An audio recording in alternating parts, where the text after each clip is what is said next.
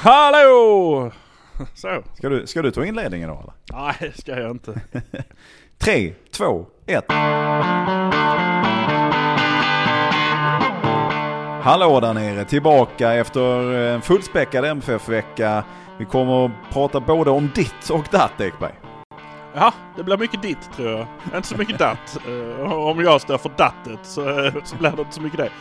Eh, men det har varit mycket, mycket Malmö, mycket härliga bilder från soligt träningsläger och, eh, och eh, mottagande av nya spelare och så vidare. Så att uh, där finns väl en del att prata om kan jag tycka. Ja, en del iskalla scener också från Limhamns IP även om resultatet var värmande. Om detta ska vi också snickersnacka och mycket annat däremellan. Men innan vi gör det då så ha med er att det finns så många som kan så mycket mer om fotboll än oss två. Men vi har en fördel och den är man god. Det är den som gör att man kliver upp på morgonen med lite glädje under fötterna. Ja, och det är ju eh, som ena halvan av slogan säger, har du sitt, har du sitt världen? Men den börjar med något helt annat och det är ju det eh, att har du sitt Malmö? Och det är ju det, det är ju det som gör det. Det är ju det som sätter solsken i sinnet eh, även om det regnar och blötsnö öser ner som det kan göra här. Blåser från sidan alltid. Man blir glad om det är en vindstilla dag. Men det är bara som så att det är en fördel. För vi är från Malmö. Kör vi det.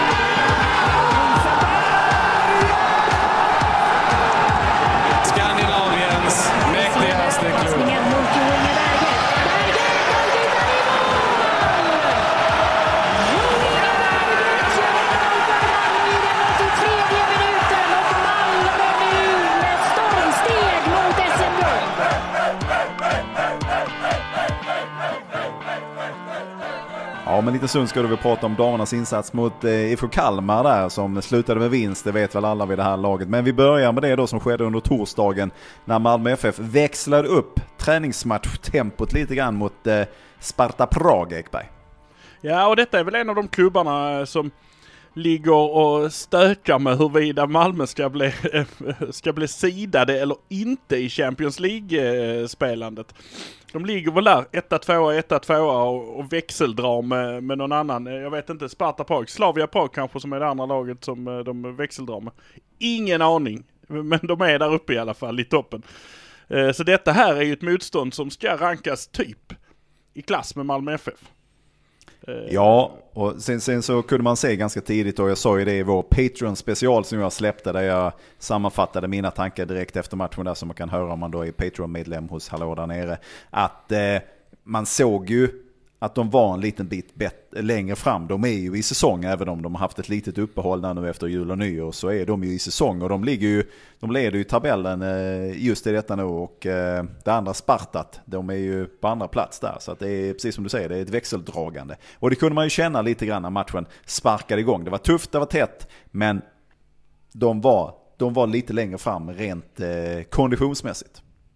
Ja, och jag gissar väl att de var längre fram också rent eh sammanhållningsmässigt. Vi har ändå fått in några nya spelare och vi växlar här. Vi har ju en startelva som eh, har en Zetterström där inne, eh, Stryger som är med. Eh, Bolin är tillbaka. Det, det, är ju ändå inte, det är, det är inte de man gick ut i Elfsborgsmatchen med direkt utan eh, det här är ju liksom folk som ska hitta varandra, spela ihop det och så här. Ja men precis, det var ju lite förändringar då från eh, matchen då på, från Klostergårdens IP där mot eh, Silkeborg.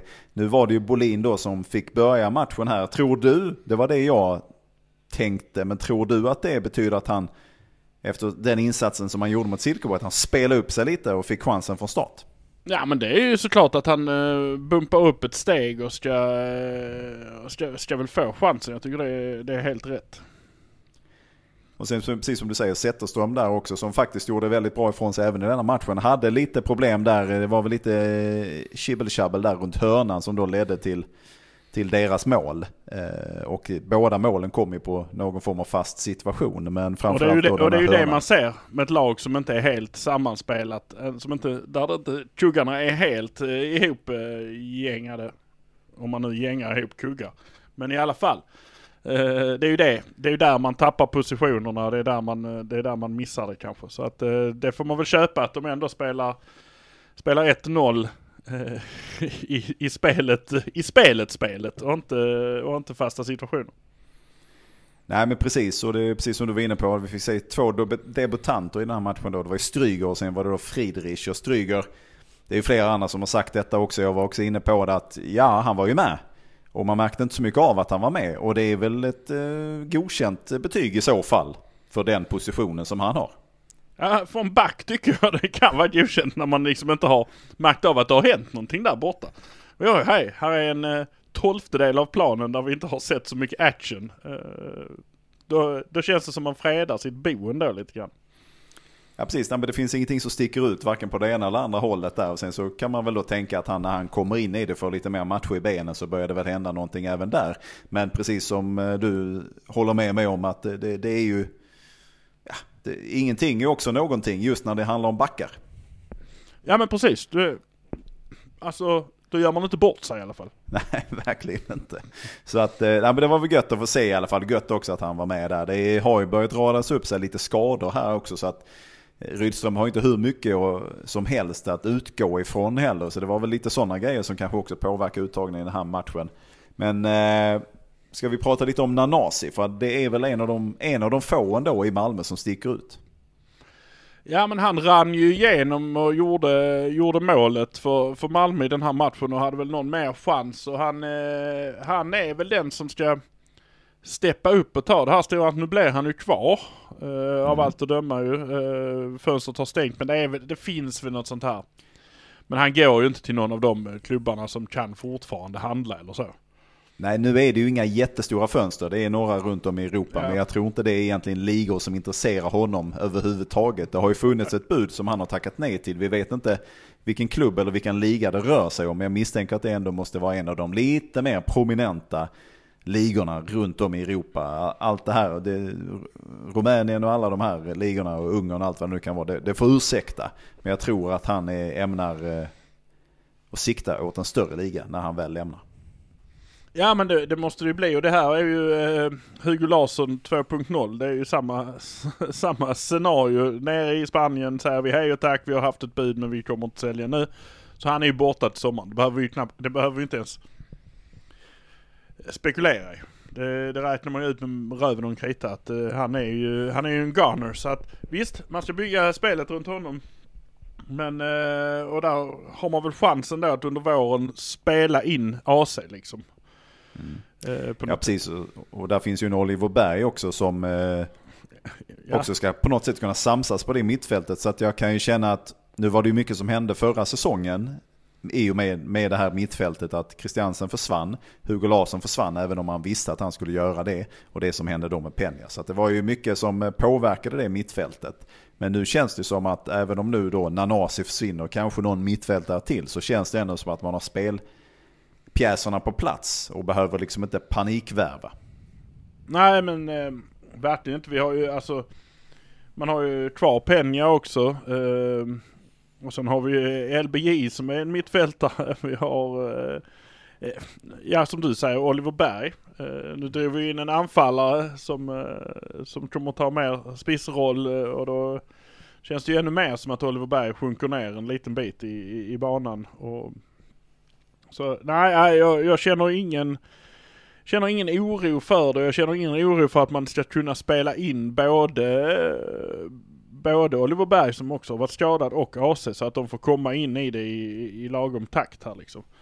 Det är frågan om de eh, ens spelar de här matcherna nu som är Svenska cupen mot, uh, mot eh, Öster och IF, vad heter de? IFK Luleå heter de va? Ja det heter de. Ja, men det är, ja, det är lite oklart där. Vi får se lite hur... Nu fick väl Kristiansen någon känning här inför Pragmatchen. Får se hur mycket det påverkar. Det kanske också var ett sätt för honom att försöka stå över. För att om vi ska gå tillbaka till den här träningsmatchen så var det jäkla tufft och hett. Det, man, det small ordentligt i duellerna, vilket kanske inte alltid är till fördel för det laget som inte är riktigt lika långt framme konditionsmässigt.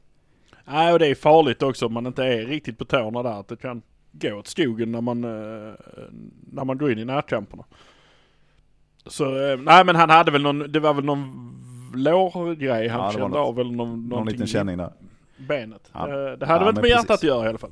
Nej, det, det är vi tacksamma för. Men Nanasi då, där han är en av dem. Det finns några gubbar till som sticker ut där, men Nanasi är verkligen en av dem som sticker ut. Gjorde ju det här målet, får ju bollen mer eller mindre en bit in på motståndarnas planhalva, går lite sådär Kurre Hamrinskt, om vi nu också ska hedra och minnas honom lite grann. Går lite försiktigt upp, får med sig bollen och sen så sätter han det lite stiligt och snyggt där i, tidigt. Jag kommer inte ihåg vilken minut det var, om det var i 10 eller 11 minuten. Men, mm. och precis som vi har pratat om, jag säger det nästan varje vecka, att han har ju bara klivit i skorna och fortsatt utvecklingsbanan som han gjorde alltså 2023. Medan andra spelare ser man ju att ja, de behöver komma igång igen. Nanasi har ju bara klivit in och fortsatt. Mm, ja men han har väl hållit igång här. Eh, och, eh, jag såg någon oddssättning på vem som skulle vinna skytteligan. Det var det sjukaste oddsättningen jag har sett. Eh, favorit att vinna skytteligan, Isak Kiese Kan jag ju köpa eftersom han vann den förra mm. året. Men jag vet inte om det var förra årets lista jag såg alltså. För det, det måste det ju ha varit för att John Guidetti var med och, eh, och någon annan. Eh, det verkar helt orimligt. Men jag tror ju att han kan vara där uppe i, i detta. Eh, Nanasi och, och, och fightas om men han hade ju ändå några mål förra säsongen och denna säsongen ja, så kommer han nu kommer han ju kanske försvinna, mest troligt, men eh, tills dess så kan han ju spruta in en del. Tror jag helt enkelt. Ja men det tror jag också. Det visar han ju förra säsongen. Sen beror det ju på hur mycket mer bevakning han får på sig nu. Precis som vi pratade om att, eh, att vi har sett andra spelare som har dominerat en säsong och sen plötsligt är det tre personer. Vi såg det med Ali också som hade fullständig läckstuga i början av säsongen. Och sen så plötsligt så var det två och tre spelare som var på honom för att han inte skulle kunna komma någonstans. Men han löste ju det mellan varven i alla fall. Och det är möjligt att man nu ser Nanasi som ett annat hot än vad man gjorde 2023. Och men vem, vem ska de ta bevakningen ifrån? Ja men precis, ja, men det är ju det. Då öppnar det ju luckor. Men det kan ju då påverka hans eh, målsnitt. Ja. Men det kan ju då öka hans assistsnitt istället. Mm. Typ. Typ. Så att nej men det, det, är, det är ju den. Eh, man kan ju inte sätta tre spelare på varje gubbe för då, då blir det ju tufft. Liksom. Men eh, så att, ja vi får väl se. Men han, är ju, han var ju utropstecknet i den här matchen också. Ali, detta var också lite spännande. Eftersom det här blev ju en liten värdemätare för honom med europeiskt motstånd. Ja men precis. Eh, det har han ju inte stött på innan. Han har ju spelat i Helsingborg så att det var ju inget Europaspel då. Eh, för det var hundra år sedan de var där och gjorde någonting. Så hur, alltså hur klarar han sig? Hur, hur, hade de scoutat honom eller hur, eh, hur såg det ut? Ja, det, vet, det vet jag inte hur mycket de hade lagt på att scouta honom. De hade kanske lite koll på att eh, han är snabb som ett skott och han får med sig bollen i 99% av fallen. Men han hade det, initialt hade han det lite eh, klurigt. Eh, det, det var ett annat tempo och man märkte att han behövde anpassa sig till det. Men eh, man såg också att han jobbade sig in i matchen och gjorde det ju bra när han väl kom in i det. Och kunde ju göra mycket av det som han gör i allsvenskan, kunde han ju till slut göra även i den här matchen. Så att han behöver ju bara möta på det här motståndet mer, så han kommer upp i det tempot och anpassar sig. Mm, om, man, om man jämför honom med, vi hade ju någon annan som Birma som också var en kantlöpare mm. liksom. Nu, nu stod han väl på andra sidan. Eh, han fick jo. ju aldrig riktigt heller sådär super till det kanske, då och då. Men eh, men hur, ja. hur ser det ska, ut? Ja, men ska vi prata kort om Birma bara då. Han var ju inblandad i oerhört mycket nu för eh, Sparta. Och låg bakom väldigt mycket. Det känns som han är eh, något av en nyckelspelare. I alla fall så som det kändes och såg ut i den här matchen. Och eh, han har nog utvecklats lite grann också. Men jag skulle ändå säga att utan att jag har papper på det här. Finns inga, finns inga undersökningar som kan utgå ifrån. Men det känns som Ali är snabbare och än, vad ska jag yviga, eller vad ska jag säga, att han, han vänder ah. på, på, kortare, han behöver mindre tid på sig att vända. Oavsett, det är liksom som Henrik Larsson sa någon gång om Xavi och Iniesta. De har ju liksom inga höfter. De, de, de kan ju vrida på ingenting överhuvudtaget. Och då känns ju Ali mer som eh, Iniesta och eh, Xavi än vad Birma gör. Birma mm. behöver lite mer utrymme, även om det går väldigt fort också. Han är väldigt duktig och väldigt snillrik. Så känns det ändå som att Ali har fler verktyg i sin verktygslåda.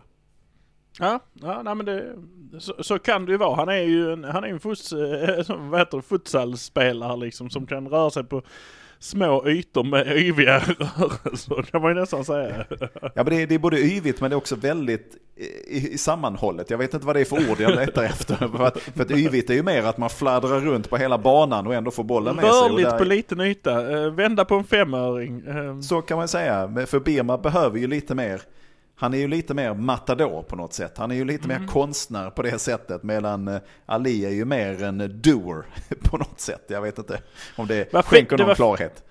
Det var, det var, fint att se eh, när han träffar på killarna, det korta klippet när han träffar ja. på AC. Eh, och kastar sig i famnen på honom liksom. Ja. Det, det, var ändå fint. Det var det. Ja, och jag, jag det finns flera poddavsnitt kan man gå, gå tillbaka och lyssna på om man vill. När vi skäller ut honom efter noter, är så trötta på honom och kanske aldrig någonsin vill se honom i himmelsblått igen. Men jag saknar ju också, nu när jag såg matchen, så jag saknar ju honom. Alltså jag saknar ju också den glädjen och det han förde med sig på ett annat sätt. Alltså den säsongen där under Milos när eh, Birma fick extremt mycket speltid.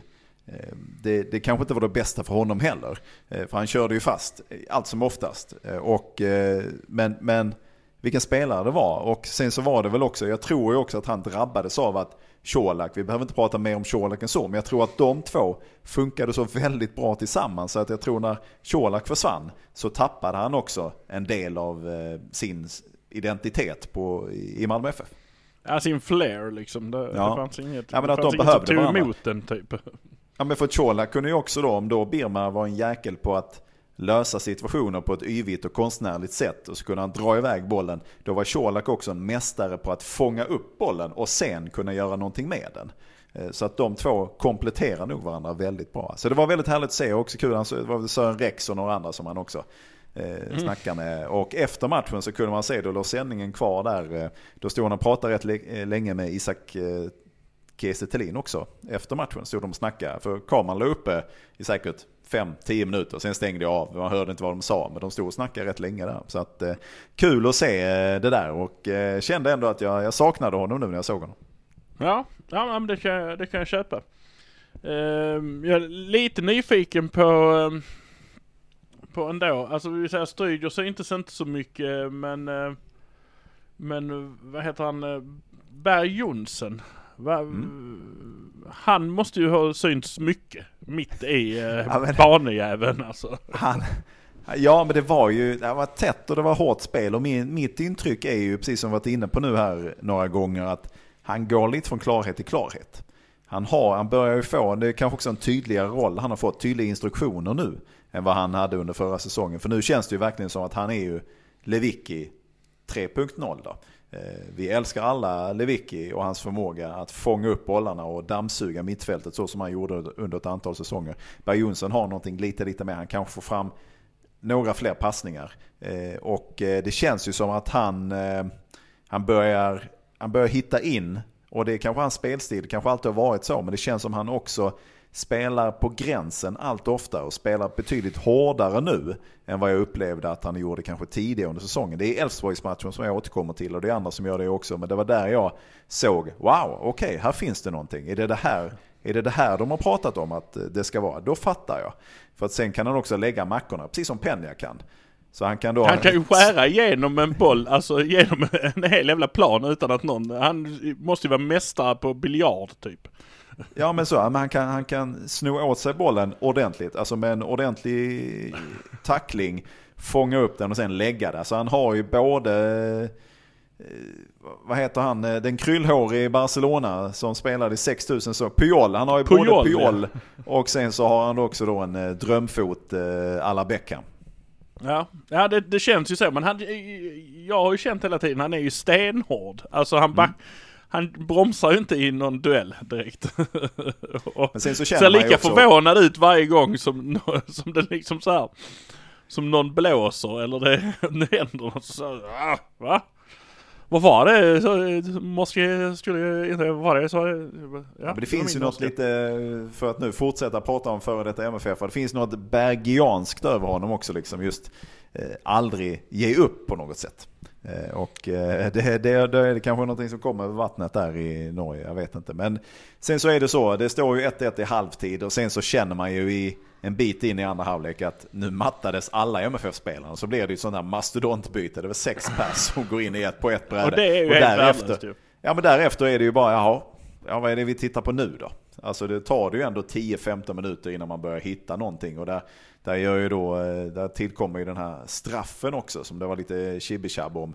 Eh, vem det var som orsakade den. Det var ju de som sa att det var Jansson men nu tror jag man har benat ut. Jag skulle säga att det var Cornelius som då drar ner den här spelaren. Som gör att eh, det blir den här straffen. Det är inget snack om att det är straff. Och sen så är ju Friedrich så nära att ta den. Det är ju tradigt men jäklar vad nära han är. Ja men det är fint. Friedrich är ju fin ju. Han är ju... Han är ju... Um allsvenskans bästa. Stats ja, också, enligt vet, statistiken. Alltså, absolut. Vi, vi, ska också kliva lite tillbaka. Han är ju också en del i att orsaka den här straffen med sitt pissiga uppspel. Det, det måste han ändå. Det, det tål han att höra tror jag, för det vet han. Och eh, det var ju lite jobbigt att se för det var hans debut detta också.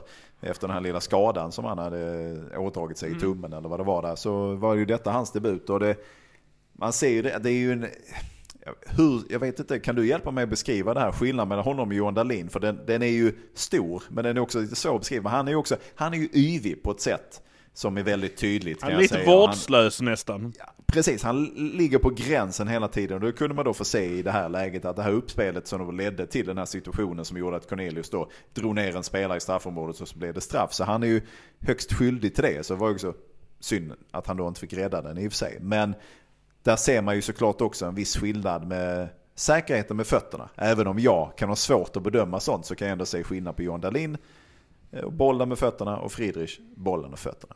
Så att där finns det ju en styrka. Sen så är det, det var hans första insats i MFF. Han behöver också komma igång och få spela lite matcher.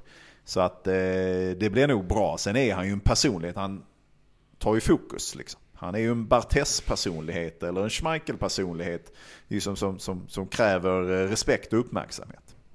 Mm. Ja men det, är, det, det är han ju, men det är ju Johan också på sitt sätt så att det är ju inte... Det absolut, absolut, men det, det finns något... Eh, fin, finns något mer Bir, Birma-aktigt över Friedrich då? ja, ja okej. Okay. Bara för att vi ska kasta oss runt. Yvig på större ytor. Vad vi pratar. Nej, men det blir spännande och det blir jäkligt spännande att se hur man ska hur man ska ta hand om den nöten sen när spelet verkligen börjar. Vem ska stå och vem är först och vem är andra? Ska de dela på allting eller ska, ska en stå och så får den andra täcka in? Jag tror att Friedrich är en sån som behöver stå i större utsträckning än kanske Diawara behövde. För att Diawara kände som att han kunde bara koppla på så här och så gick han ut och så räddade han frisparkar och han såg till så att man tog sig vidare i Europaspelet. Friedrich kanske är en spelare som behöver kontinuerligt matchande. Precis som Johan kanske också behöver. Ja men precis. Jag måste bara be om ursäkt här för att det är någonting som plingar i min dator. Ja jag hör det. Jag har aldrig gjort förr. Och jag har Nej. ingen aning om vad det är. Jag blir tokig. Det bara plingar. Det finns ingenting. Det finns inga aviseringar. Det finns ingenting som händer i den här datorn. Det är precis som den är trött på mig. Pling, pling, pling säger den till mig. Som om att jag Eh, helt otroligt. Pling, pling, pling, pling. Lägg av, jag blir jättearg. Men snälla, hör du hur mycket det plingar? Ja. Bom. Ja. jag har ingen aning, vad fan är det? Det kommer explodera snart, den räknar ju ner bara. Kommer du behålla hela det här eller kommer du klippa bort den här delen? Jag, jag vet inte. Just nu är jag jävligt uppgiven. Hatar när det plingar, när jag bara inte... Men nej, sluta plinga nu då! Vad är det som plingar? Vad är den dum i huvudet, hela datorn eller? Så då rullar vi vidare här nu då. Ja, men några minuter in här då när alla har matta så gör man då ett massivt superbyte och då blir det ju så här, man, man sitter där och funderar på, jaha vad är det vi tittar på nu här? Men bland dem fanns ju då Vecka åkte, han kom in och åkte ut rätt snabbt igen för han fick en smäll. Sören Rex, Jörgensen, Oliver Berg, Rosengren, Macaulay, Martin Olsson. Jag kan ha missat någon här för det, det var inte så att det stod, det stod text och grejer. Det var inte skyltar som kom upp vid den här sändningen som förklarade vem som gick in ut direkt. Det var kanske det jag hörde som plinga här nu precis. Pling var alla bytena. Det kan ha varit det. Men så försökte jag då hålla ett extra öga på Jörgensen. Som jag förstår kanske inte går mot en superljus himmelsblå säsong. Eftersom det nu är Ja, men det är tufft. Det har varit jättetufft för honom att komma in och få den här platsen och ta den här platsen. Och göra någonting när han väl har fått chansen. Han, har väl gjort, han gjorde väl något mål, han har väl gjort några sista under förra säsongen. Så jag, jag vill så gärna att det ska gå bra för honom. Och det fanns väl ändå, det var en bra frispark. Men det... Jag, jag, jag, vet inte egentligen om det händer så mycket när han har bollen, men det känns som det händer jättemycket. Men han är väl också lite av det där yviga slaget. Ja men han, har han kommit in i det liksom? Har han lyckats, eh, som vi säger Lasse Berg Jonsson som har till slut hittat liksom systemet. Men har, har eh, Jörgensen gjort det? Nej, jag tycker inte det. det. det. måste finnas mer än så här. Eh, och det, det, om det inte är överord alla Lomotey som Malmö har dragit till med när man nu värvade honom. Att Lomotey var ju en värvning som man inte trodde att man skulle kunna göra överhuvudtaget. Och så gjorde man det och så fick han ändå inte spela. Och om det är samma sak med Jörgensen. Han hade väl haft ett en dålig säsong innan han kom till MFF, men året där, därför innan så hade det varit kanon. Och det kan ju också varit en sån här situation som vi varit inne på då med Nanasi eller med Ali, att en säsong när de inte riktigt har koll på dig då kan du köra och leva rövare och sen så sätter de då extra bevakning och då behöver du utvecklas ytterligare för att kunna hålla på på samma sätt. Och det är möjligt att Jörgensen inte kunde det och därför har fastnat på något sätt och sen så kommer han då hit och får ett miljöombyte så hoppas man att det ska hända någonting. Så hade han väl ett skott där, jag tror det var mot AIK-matchen, AIK-matchen borta som han nästan då vann Pontus hade ju någon eh, nick där precis i slutet som gick i ribban och Jörgensen hade väl också ett skott som var så nära på att gå in men om han hade fått det målet så kanske det saker och ting hade sett annorlunda ut. Men jag upplever inte riktigt att han tog den här chansen i den här matchen heller. Det var liksom eh, bra frispark in där i boxen som, som, som kunde ha blivit någonting. Men sen är det precis som att han kommer i läget som vi har pratat om också med andra spelare. Att då väntar man lite, lite för länge innan man skjuter. Eller väntar lite, lite för länge innan man passar vidare. Och då springer man bara rakt in och sen kommer han med sin yviga spelstil som gör att det ser ut ser lite kaosigt ut när han är i närheten. Sen älskar jag hans energi och älskar hans intensitet. Men det känns ju också som att när han får bollen så upplever jag honom som väldigt stressad. Mm, ja men det är väl känslan man kan få kanske. Um, ja, det känns ju inte som att man lugnar ner tempot direkt när han får bollen. Men, uh, men det händer, det händer ju också grejer runt honom så att jag vet inte, jag vet inte om det bara är en Eh, Eh, det blir väl också lätt att man överbelastar åt andra hållet hela tiden eh, mot eh, den sidan han spelar på liksom. Så att eh, någonstans där hittar man kanske någon, att chanserna han får ändå är så pass få och han har inte tidigare i alla fall haft någon bakom sig som riktigt har mött upp med honom och eh, som när Patriot var där så växelspelade rätt mycket med först Tinnerholm och sen vidare liksom. Jag vet inte vem hade han bakom sig här nu i detta fallet? Eh, det, det var så mycket byten eller? här. Så att jag, jag kan inte säga det rakt upp och ner för det var så jävla många byten. Men Macaulay och så vidare hade han väl där bakom sig. Och ja. Sören och det, ja, det kanske inte heller hjälper honom på den sidan. Men Martin Nej. Olsson hjälper ju till på vänstersidan och dra upp det och driva på det. Så att, ja, mm, något sånt. Ja, ja, men så jag hoppas att han får lite fler chanser. Jag hoppas också att han tar kliv här. Men jag är ju rädd just också med tanke på hur många många spelare man har som inte då har svensk, eh, svenskt pass, om man ska säga så då. Så, så är jag ju rädd att han kommer bli en av de som förpassas ut lite till sidan när man måste då plocka fram andra istället. Ja precis. Det är, det är ju eh, stor risk att det, är, att det är han som får stå, stå, stå åt sidan. Det är, jag kan ju inte säga att han skulle gå före för eh, uh, Stryger, för uh, Lasse Berg Jonsson. Han går ju inte för AC. Han går ju inte för Cornelius eller Busanello. Uh, han går ju inte för Friedrich om han ska stå. Uh, han går ju inte för Oliver Berg. Helt plötsligt så börjar det bli, han går ju inte för Penja. plötsligt så är det inte många platser kvar alltså. Nej, så det kommer ju bli tufft, men jag hoppas ju verkligen att han kan ta kliv framåt. Av någon anledning. Det är jag vurmar på något sätt för Jörgensen. Jag vet inte, jag kan inte förklara varför, men jag bara vurmar för honom och hoppas att han, att han hittar tillbaka till det som då är den spelaren som han då egentligen är. Eh, för det, jag tror inte att vi har riktigt sett den spelaren. Det, det har jag svårt att tro, för då vet jag inte riktigt varför MFF har värvat honom. Nej, nej alltså... Um, Nej, jag, jag, jag blir inte riktigt klok på det som sagt. Han har inte lyft, men han, man ser ju att det är, det är ju spel i. Alltså så, han gjorde ju ändå några poäng i några matcher. Absolut. Mål och Absolut. assist och så här. Så att, det är ju där på något sätt. Uh, men samtidigt men, det är det också en tuff, ja. värde, det är, det är tuff värdemätare att komma in då mot Prag här. Och eh, de, de är i fullt blås så är man då en av alla de här 700 som kommer in på en och samma gång och sen så ska man försöka spela och bena ut detta. Så det är en tuff, eh, tuff situation att komma in i så att han, han har ju mer att ge och det, det, han kommer väl förhoppningsvis få visa det också. Här. Får se här lite vad som händer här sen framåt torsdagen. Men i övrigt så var det ju, det var ju två fasta situationer som ledde till de här målen då som Sparta gör. Och eh, lite hej och hå runt det här hörnmålet så där måste man jobba och där måste man göra någonting. Nu, får, nu måste de ha hunnit läsa allt som Brentford hade i sin katalog. Det kan inte finnas mer att gå igenom där utan nu måste det bara sitta. För att det kommer ju, framförallt i Europa, så kommer det ju kunna kosta rätt mycket om man inte har ordning på hörnsituationer till exempel.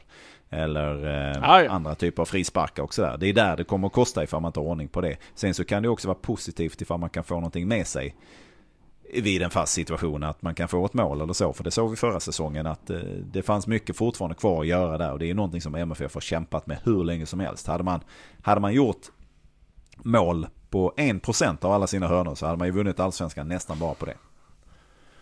Ja, det är mycket hörnor var det, lite mål. Kan vi bara konstatera. ja men det är väl det. Det var en bra värdemätare och det var ett steg upp från Silkeborg där. Nu är det ju då inför torsdagen så är det ju två matcher på programmet. Det är ju både Bodö och FC Dallas fast i omvänd ordning. Klockan 11 och sen så var det väl 14, 14.30 någonting så är det då Bodö sen där på eftermiddagen. Eh, och jag misstänker att det kommer vara två helt olika lag. Eller jag vet inte hur man lägger upp för en sån batalj. Nej, de hade ju flugit ner lite spelare nu som uh, hängde på hemmaplan. Dragis och någon till. Uh, ja, just det. så, Mubarak nu. Och uh, det kan väl vara... De gör en, de gör en IFK Göteborg. Vägrar ställa in matcher. Ja, det precis. ska bara fortsätta spelas. Ja, nej det, jag, jag fattar inte idén med att man ska spela två matcher. Får man ut det man behöver av att spela två matcher hade det inte varit bättre att sopa en match då och koncentrera sig på en. Jag, jag, jag, men det, jag är inte tränare heller. Jag heter inte Henrik Rydström. Jag heter inte heller något annat som ordnar med de här matcherna så att... Eh,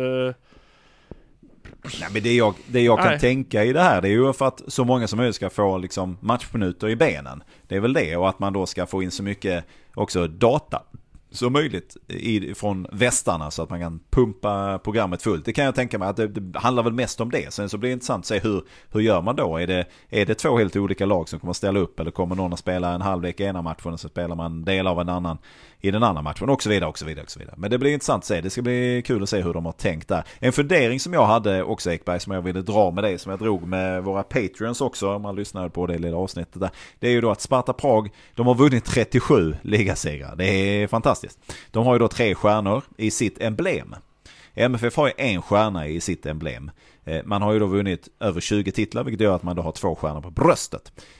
Nu vet ju inte jag om de här stjärnorna har i Sparta Prags emblem har tillkommit allt eftersom. Eller om de har haft tre från allra första början. Det finns ju en stjärna i MFFs emblem och den vet jag inte om den har tillkommit efter att man har tagit tio eh, ligasegrar eller allsvenska SM-guld. Eller om den har funnits från allra, allra, allra första början. För jag har också sett en eh, MFFs emblem utan stjärnor och en massa krusiduller. Den har ju förändrats genom åren den också. Eh, så då var ju min undran ifall man då skulle införa en andra stjärna i emblemet. Vad tycker du Ekberg? Nej men det tycker jag inte. Det är, man har ju stjärnorna på bröstet för, för den sakens skull. Uh, den stjärnan har något annat att göra. Jag har för mig att jag har läst någonstans att den, den har med någon någon annan grej att göra. Den, den stjärnan har inte med, med själva, själva Nej. vinna eller inte uh, grejen. Utan det, det, har med, det har, det har med något annat att göra. Jag, jag kommer inte riktigt ihåg vad det handlar om. Nej, nej men jag tänker också eh, det finns ju andra men... klubbar som eh, som eh, har sina stjärnor. Titta på Bayern München har de också sina stjärnor med i ah. emblemet numera. Till exempel, jag tror även Juventus har detta. Det finns andra klubbar som på något sätt infogar de här stjärnorna i sitt emblem. Ja, alltså uh, jag tror att den här stjärnan, uh, som jag kan läsa det här så uh, hämtades den från Malmö stads första sigill från 1300-talet. Uh, och stjärnan har blivit en symbol för gemenskapen runt Malmö FF. Så att den har inte med mm. vinster att göra utan den, den har en annan betydelse än en, en, annan, en annan betydelse. För, har jag liksom fattat det som. Eh, Ja, jag förstår, Det jag här, förstår. var väl kanske Ja. någon, det här var väl kanske någon förklaring eh, Mm.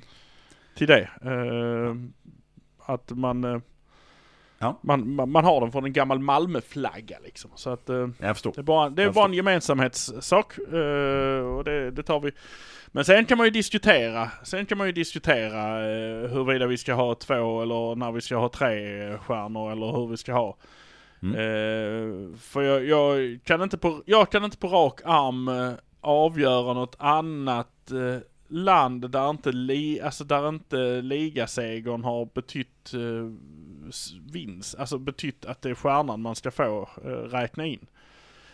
Eh, vi har ju vunnit allsvenskan fler gånger än vad vi har vunnit SM-guld eftersom Ja, det. det helt plötsligt någon gång på 80-talet var ett slutspel i det där. Jag känner inte till, jag känner inte till någon annan liga som har haft ett slutspel på det sättet. Eh, Det finns säkerligen någonstans, men hur de räknar då. För jag tycker ju, det här, jag tycker ju stjärnan inte ska symbolisera SM-guld i den bemärkelsen, utan eh, ligasegrar. Mm. Så att, eh, Ja, jag kan vara helt med dig i detta och eh, så, här, men ni, ni får gärna återkomma med era synpunkter på detta. Tycker ni att MFF ska föra in sina dubbla stjärnor i eh, emblemet och tycker ni eh, som Ekberg också ska man då tillföra, ja det blir man ju inte uppe i 30 riktigt än ändå även om man lägger till de ligasegrarna. Men man börjar ju närma sig med råge får man ju säga då. Så att vill ni då att man ska införa rena liksom ligasegrar ex SM-guld. Ja, jag tycker ju inte det ska in i emblemet eftersom den stjärnan har något helt annat att göra. Utan sätt dem på bröstet ovanför. Ja, ni andra får höra av er vad ni tycker och tänker. Ni kan göra det på Instagram till exempel eh, där vi finns eh, Ekberg. Eh, ja, det finns vi. Uh, att Halladanara. Uh, det har varit lite slött där men det kommer väl, i, det kommer Nej, väl igång det också. Det där jävla Hela jag är lite slö. Ja, men det är jävla det. Ja. Och, ja, då, då, ja, du jobbar med det och det är ju kanon. Men man undrar lite var ni, varför ni håller på. Det kan man ju undra. Ah, det är kul. Det är kul. Jag säger så spelar här. hockey. Jag säger så här. Riktig hockey spelas på gräs. Men det är bara jag kanske som tycker det. Nåväl, vi går vidare. Vi går vidare då. här. Det kom idag. Har du läst det här Ultras, eh, öppna Ultras-brevet eller uppmaningen till eh, omgivningen? Mm. Jag har också läst eh, Robert Lauls inlägg på Instagram där han sätter punkt 1. Det här kom till tack vare mig. Punkt 2. Det räcker ändå inte. En svensk Trump. Ja, eh, tröttsam okej. får man vara. Ja men det är lite, nej men alltså jag blev ju ändå glad när jag såg det här. Jag tycker det är gött att det kommer någonting, ett eh, gemensamt framtaget eh, upprop eller vad vi ska kalla det liksom för hur, hur en framtid med bengaler på läktarna ska ske och ska skötas. Sen kan jag tycka att det är ju, det är ju lite, det är ju knepigt att det behövs, det, att, det, att det här behövs. Att man ska behöva skriva att vi ska inte kasta bengaler och man, man eh, Ja men det är inte knepigt drabbar alls. oskyldiga. Det, det, Ja, men det är ju lite knepigt det är att det ska behövas. inte knepigt alls. Nej, det det är inte knepigt alls. För det är som, ja men det är ju som så här. Att om de nu, om nu Malmös Ultras tycker att nej det här är jävligt onödigt. Vi gör inte det bara. Så kommer de liksom överens om det med sig själva liksom, att vi gör Mm. inte så.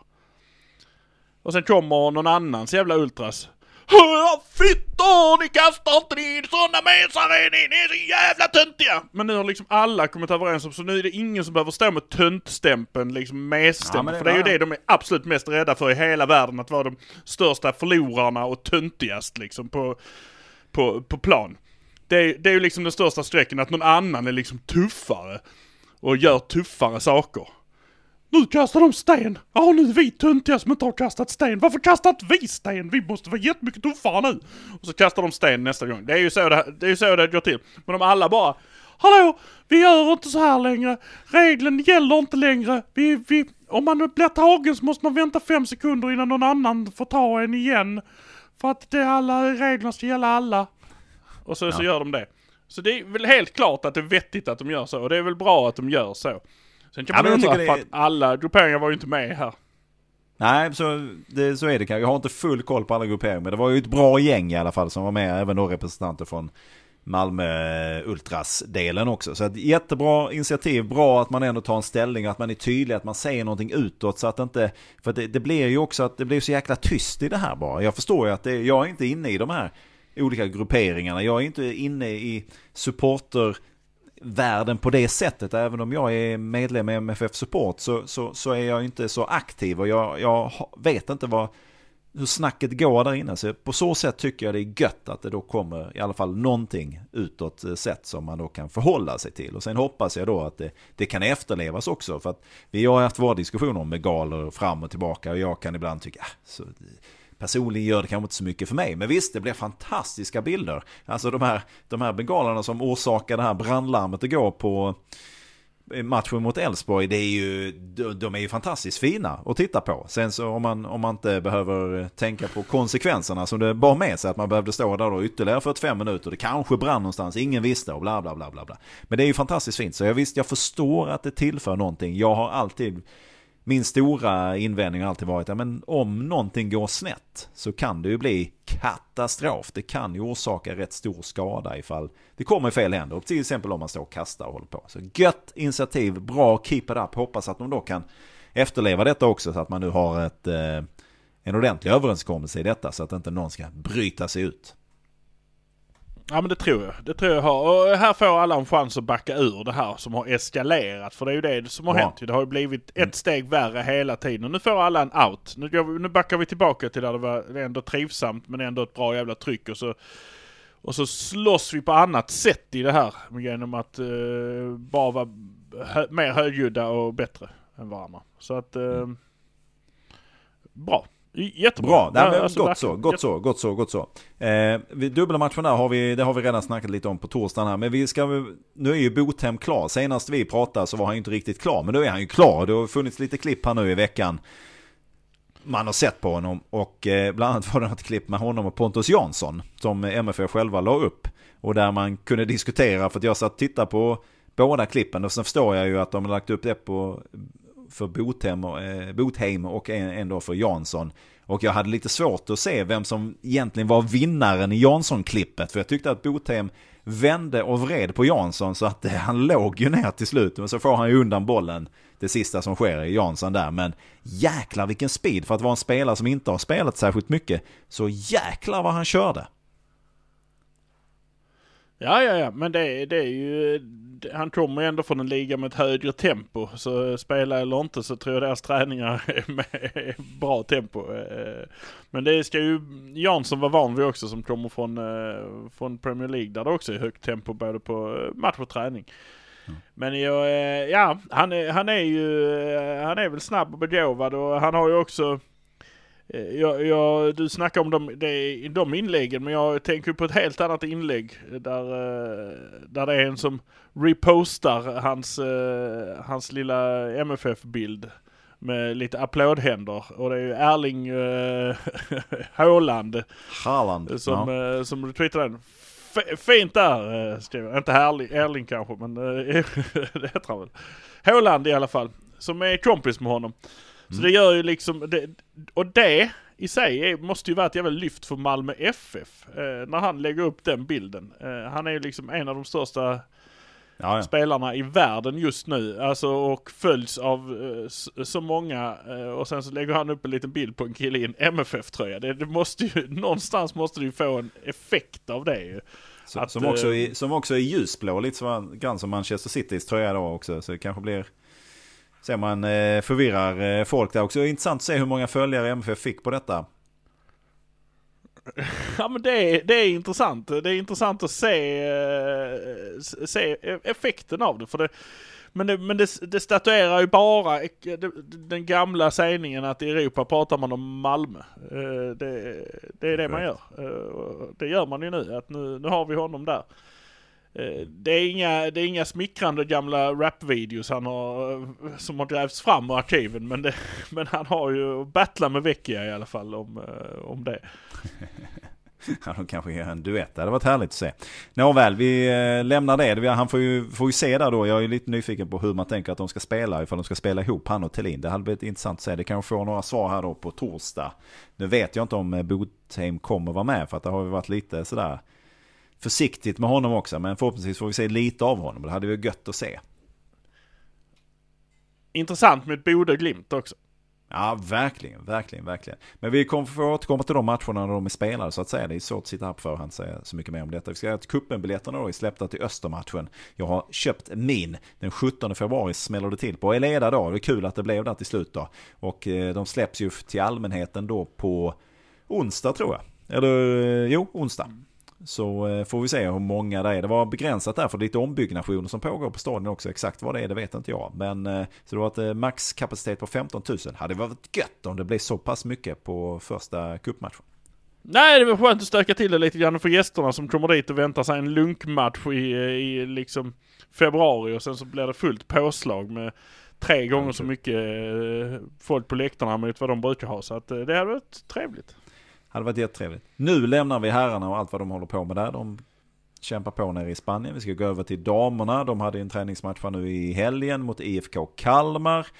Och eh, det blev 3-0. Jag har då, jag ska säga att jag har inte sett hela matchen. Jag har sett stora sammandrag av detta här och ett spel som man, jag ska inte säga att jag blev frustrerad när jag tittar på Malmö FF här. Men jag kan bli lite så här, det finns så oerhört mycket, mycket mer och så blir det lite, lite slarv i slutet. Alltså de har så enormt mycket chanser. Nu blir det 3-0. Det är liksom ingen, det är ingen match egentligen att tala om det här på så sätt. IFK Kalmar bjuder inte upp till så jäkla mycket. Men man ser ju hur mycket mer det finns att hämta ur det här laget. Och då kan jag bli lite, lite frustrerad över att ah, men det där måste ni ju kunna göra lite, lite bättre. Jag kan inte göra det bättre, men jag tänker att de måste kunna göra det. Ja men det är ju, alltså det kommer väl, det kommer väl falla på plats också. Det är, det är ju väldigt my, många nya. Det är ju, det är två nya som gör två av de här eh, tre målen liksom. Eh, Matilda Kristell och eh, Emma Paljovic. Det, det, det, kommer ju komma. Sen har vi Rebecka Holm som gjorde sin hundrade eh, MFF-match. Eh, det, det, är ju fantastiskt. Så att eh, det, det är att blanda och ge lite nytt och lite gammalt. Eh, någonting gammalt, någonting mm. nytt, någonting blått. Uh, någonting lånat. Men jag vet inte om man har lånat något. ja, nej men där, i övrigt är det en match. Alltså det, det Malmö dominerar totalt, har bollen och sen så visst finns saker då att uh, utveckla och Kim Björkegren var inne på det där att han var ju Försvarsmässigt var han väldigt nöjd med matchen och det förstår jag för det hände inte särskilt mycket. Uh, och framåt tyckte han väl att det var lite tamt framförallt de första 30 minuterna. Men sen så fick man ju då utdelning. Men det fanns ju rätt mycket chanser. Det ser man bara titta på det här highlights-paketet så ser man ju. Men herregud, här var en chans och här var en chans och här var en chans.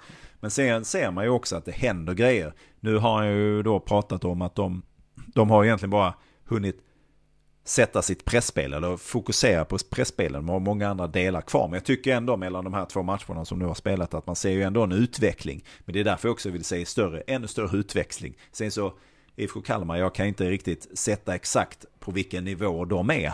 Men de är ju inte i närheten av vad MFF är i detta nu. Nej, de åkte ju ur damallsvenskan förra året eh, sämst där med, med råge. Så att eh, de, eh, de, är inte i, de är inte i division 1-klass men de är nog i lite ettan-klass. Så det är nog det här motståndet man ändå kan vänta sig att Malmö ska få se det här året egentligen. Ja men precis och sen så, eh, jag tycker Björk är ganska, han är ganska, nu hör man ju inte hur det låter när han säger detta för att det är ju liksom citat som finns på mff.se men han är ju ganska karg i eh, sin uttalande här. Eh, om nyförvärven då som du var inne på, Sanna Kullberg och Matilda Kristelle. Så ja men Sanna var lite ringrostig i första halvlek. Han är ganska tydlig med det där. Jag upplever inte att varken Fredrik Janfors eller Maxim var lika tydliga på det sättet. Nu är det ju inte, det är inte så att han sågar de fotknölarna, men han, jag tycker också i andra uttalanden att han har varit ganska direkt på, tryckt på punkten som han tycker eh, fallerar.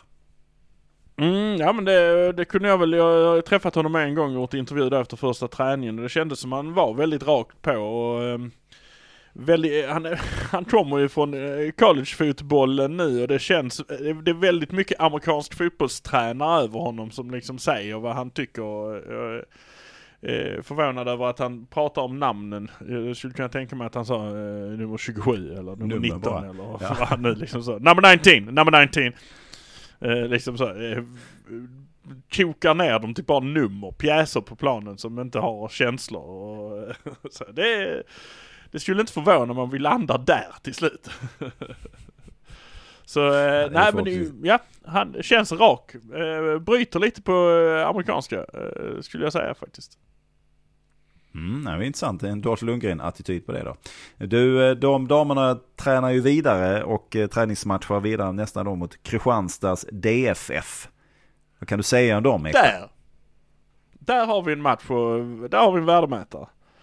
Eh, nu har de ju ändå bytt tränare. Men, eh, men det är ändå ett lag som har varit uppe och eh, nosat där. De ligger liksom uppe i topp 5 eh, i damallsvenskan och har varit ute och kört eh, Champions League-spel och så här. Så att det, den tror jag, det, det blir...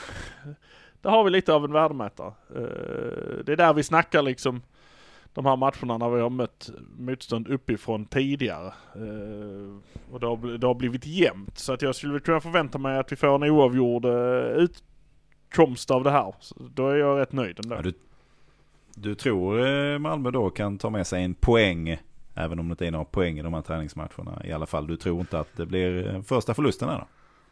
Nej, det tror jag inte. Uh, jag, eller rättare sagt, jag är rätt nöjd om de, om de kör en oavgjord. Men jag tror också på det. Uh, jag blir förvånad om de vinner kanske. Men, uh, mm. Det är bortaplan. Fotboll är inte som hockey. I hockey vinner alltid någon. Det är skitstörigt. Ja, ja. ja, det är ju tråkigt framförallt om man är på det förlorande laget för det mesta. Och det vet ju hur det är. Eh, men du, eh, det är bortaplan också. Vill du, det, väger, väger du in någonting i det eller? Nej men det är jättebra. Eh, det är jättebra planer eh, Kristianstad har. Så att om de inte spelar på Vilans IP. Men det tror jag inte de gör. De spelar nu på hybrid. Kanske spelar på hybriden på Kristianstad Arena. Jag vet inte var de spelar matchen riktigt. De spelar på Kristianstads arenaområde. Sen vet ju inte jag om det finns 2000 Ja, där finns, några, där finns några plastamattor där också. Ja, det gör det. det, gör det. Eh, Kristianstads, are, Kristianstads arenaområde innehåller också Sveriges Radio P4. Så att jag har suttit och tittat ut på de här nattliga träningarna när jag var webbredaktör på Kvällspasset. Så att... Ja, har du, har du ja. levt? Ja men då så. Men ja, okej, vi lämnar runt, kanske detta. Veta. Ja, du, du, har varit med för. Vi lämnar det där och så får vi återkomma efter eh, nästa träningsmatch. Och sen ska vi se om vi kan få till lite snickesnack också. Det hade varit gött att få något litet samtal med eh, både tränare och så vidare om eh, vägen framåt här för damerna. Men eh, i övrigt Ekberg så har jag inte så mycket mer. Har du någonting som du känner att vi har missat här nu? Nej, jag har väl, jag har väl bara en känsla av att jag har ju också slått ett halvt getöga på de andra lagen hur det går för dem och de allsvenska herrarna då. Och det, det har ju inte gått alldeles lysande. Jag tror väl Elfsborgs nya målvakt efter han Vladi Valdimirsson Mm. Eh, deras nya målvakt har väl släppt in var det lite över 10 mål på tre matcher eller två matcher eller vad det var. Han, eh, det var läckt som ett såll. och eh, ja, ja. IFK Göteborg åkte dit med 5-1 mot något konstigt lag som jag aldrig hört talas om vad de var. Marda. Ja men det var, det var ju en märklig B-lagsuppställning på alla håll och kanter där. Så att de flög ju in en massa massa ungtuppar från Västra Frölunda som de har som samarbetsklubb. Ja, det, var, det var lite rörigt. Det hade man inte varit supernöjd med eh, ifall man då hade varit eh, MFF och det hade drabbat den klubben där. Men jag hörde en intervju, detta var innan den matchen då, med hans sportdirektören där han då ändå tyckte att men det är bättre att vi spelar och så vidare och så vidare än att vi ställer in. Det, ja, kanske. Jag vet inte. Svårt att säga något om det där. Vi får ju se hur det går efter då när Malmö då ska spela två matcher på en, på en dag här med några timmar emellan. Hur, hur det påverkar vad som händer där. Vi får se hur de har tänkt sig det där. Men då innan vi avrundar ska vi då... Ja men jo jag tror det eller jo men man har också gjort en variant att man har spelat typ tre halvlekar. Alltså man har spelat längre halvlekar. Jaha. Mm. Så att jag, jag kommer inte ihåg vad, när man gjorde vad. Men man har, ju, man har ju nog gjort båda delarna liksom. Men du, eh, vi ska ta en titt i maratontabellen innan vi rundar Ja men jag, jag bläddrar här. Eh, den här allsvenska maratontabellen. Allsvenskan så 400 år, måste vi påpeka igen. Mm. Och så kan man titta på vem som har vunnit mest och vem som har varit med mest och sånt här. Det, det kan folk ägna sig åt. Vi tittar på vem som har tagit mest poäng totalt eh, i den här. Trea är då mm. AIK, tvåa är IFK Göteborg som vi precis nämnde. Etta är den allra finaste fotbollsföreningen i hela det här landet och det är Malmö fotbollförening. Utan S i fogen. Utan S i fogen. Precis så. Tills vi hörs igen så sa vi så och så sa vi. Hallå där nere!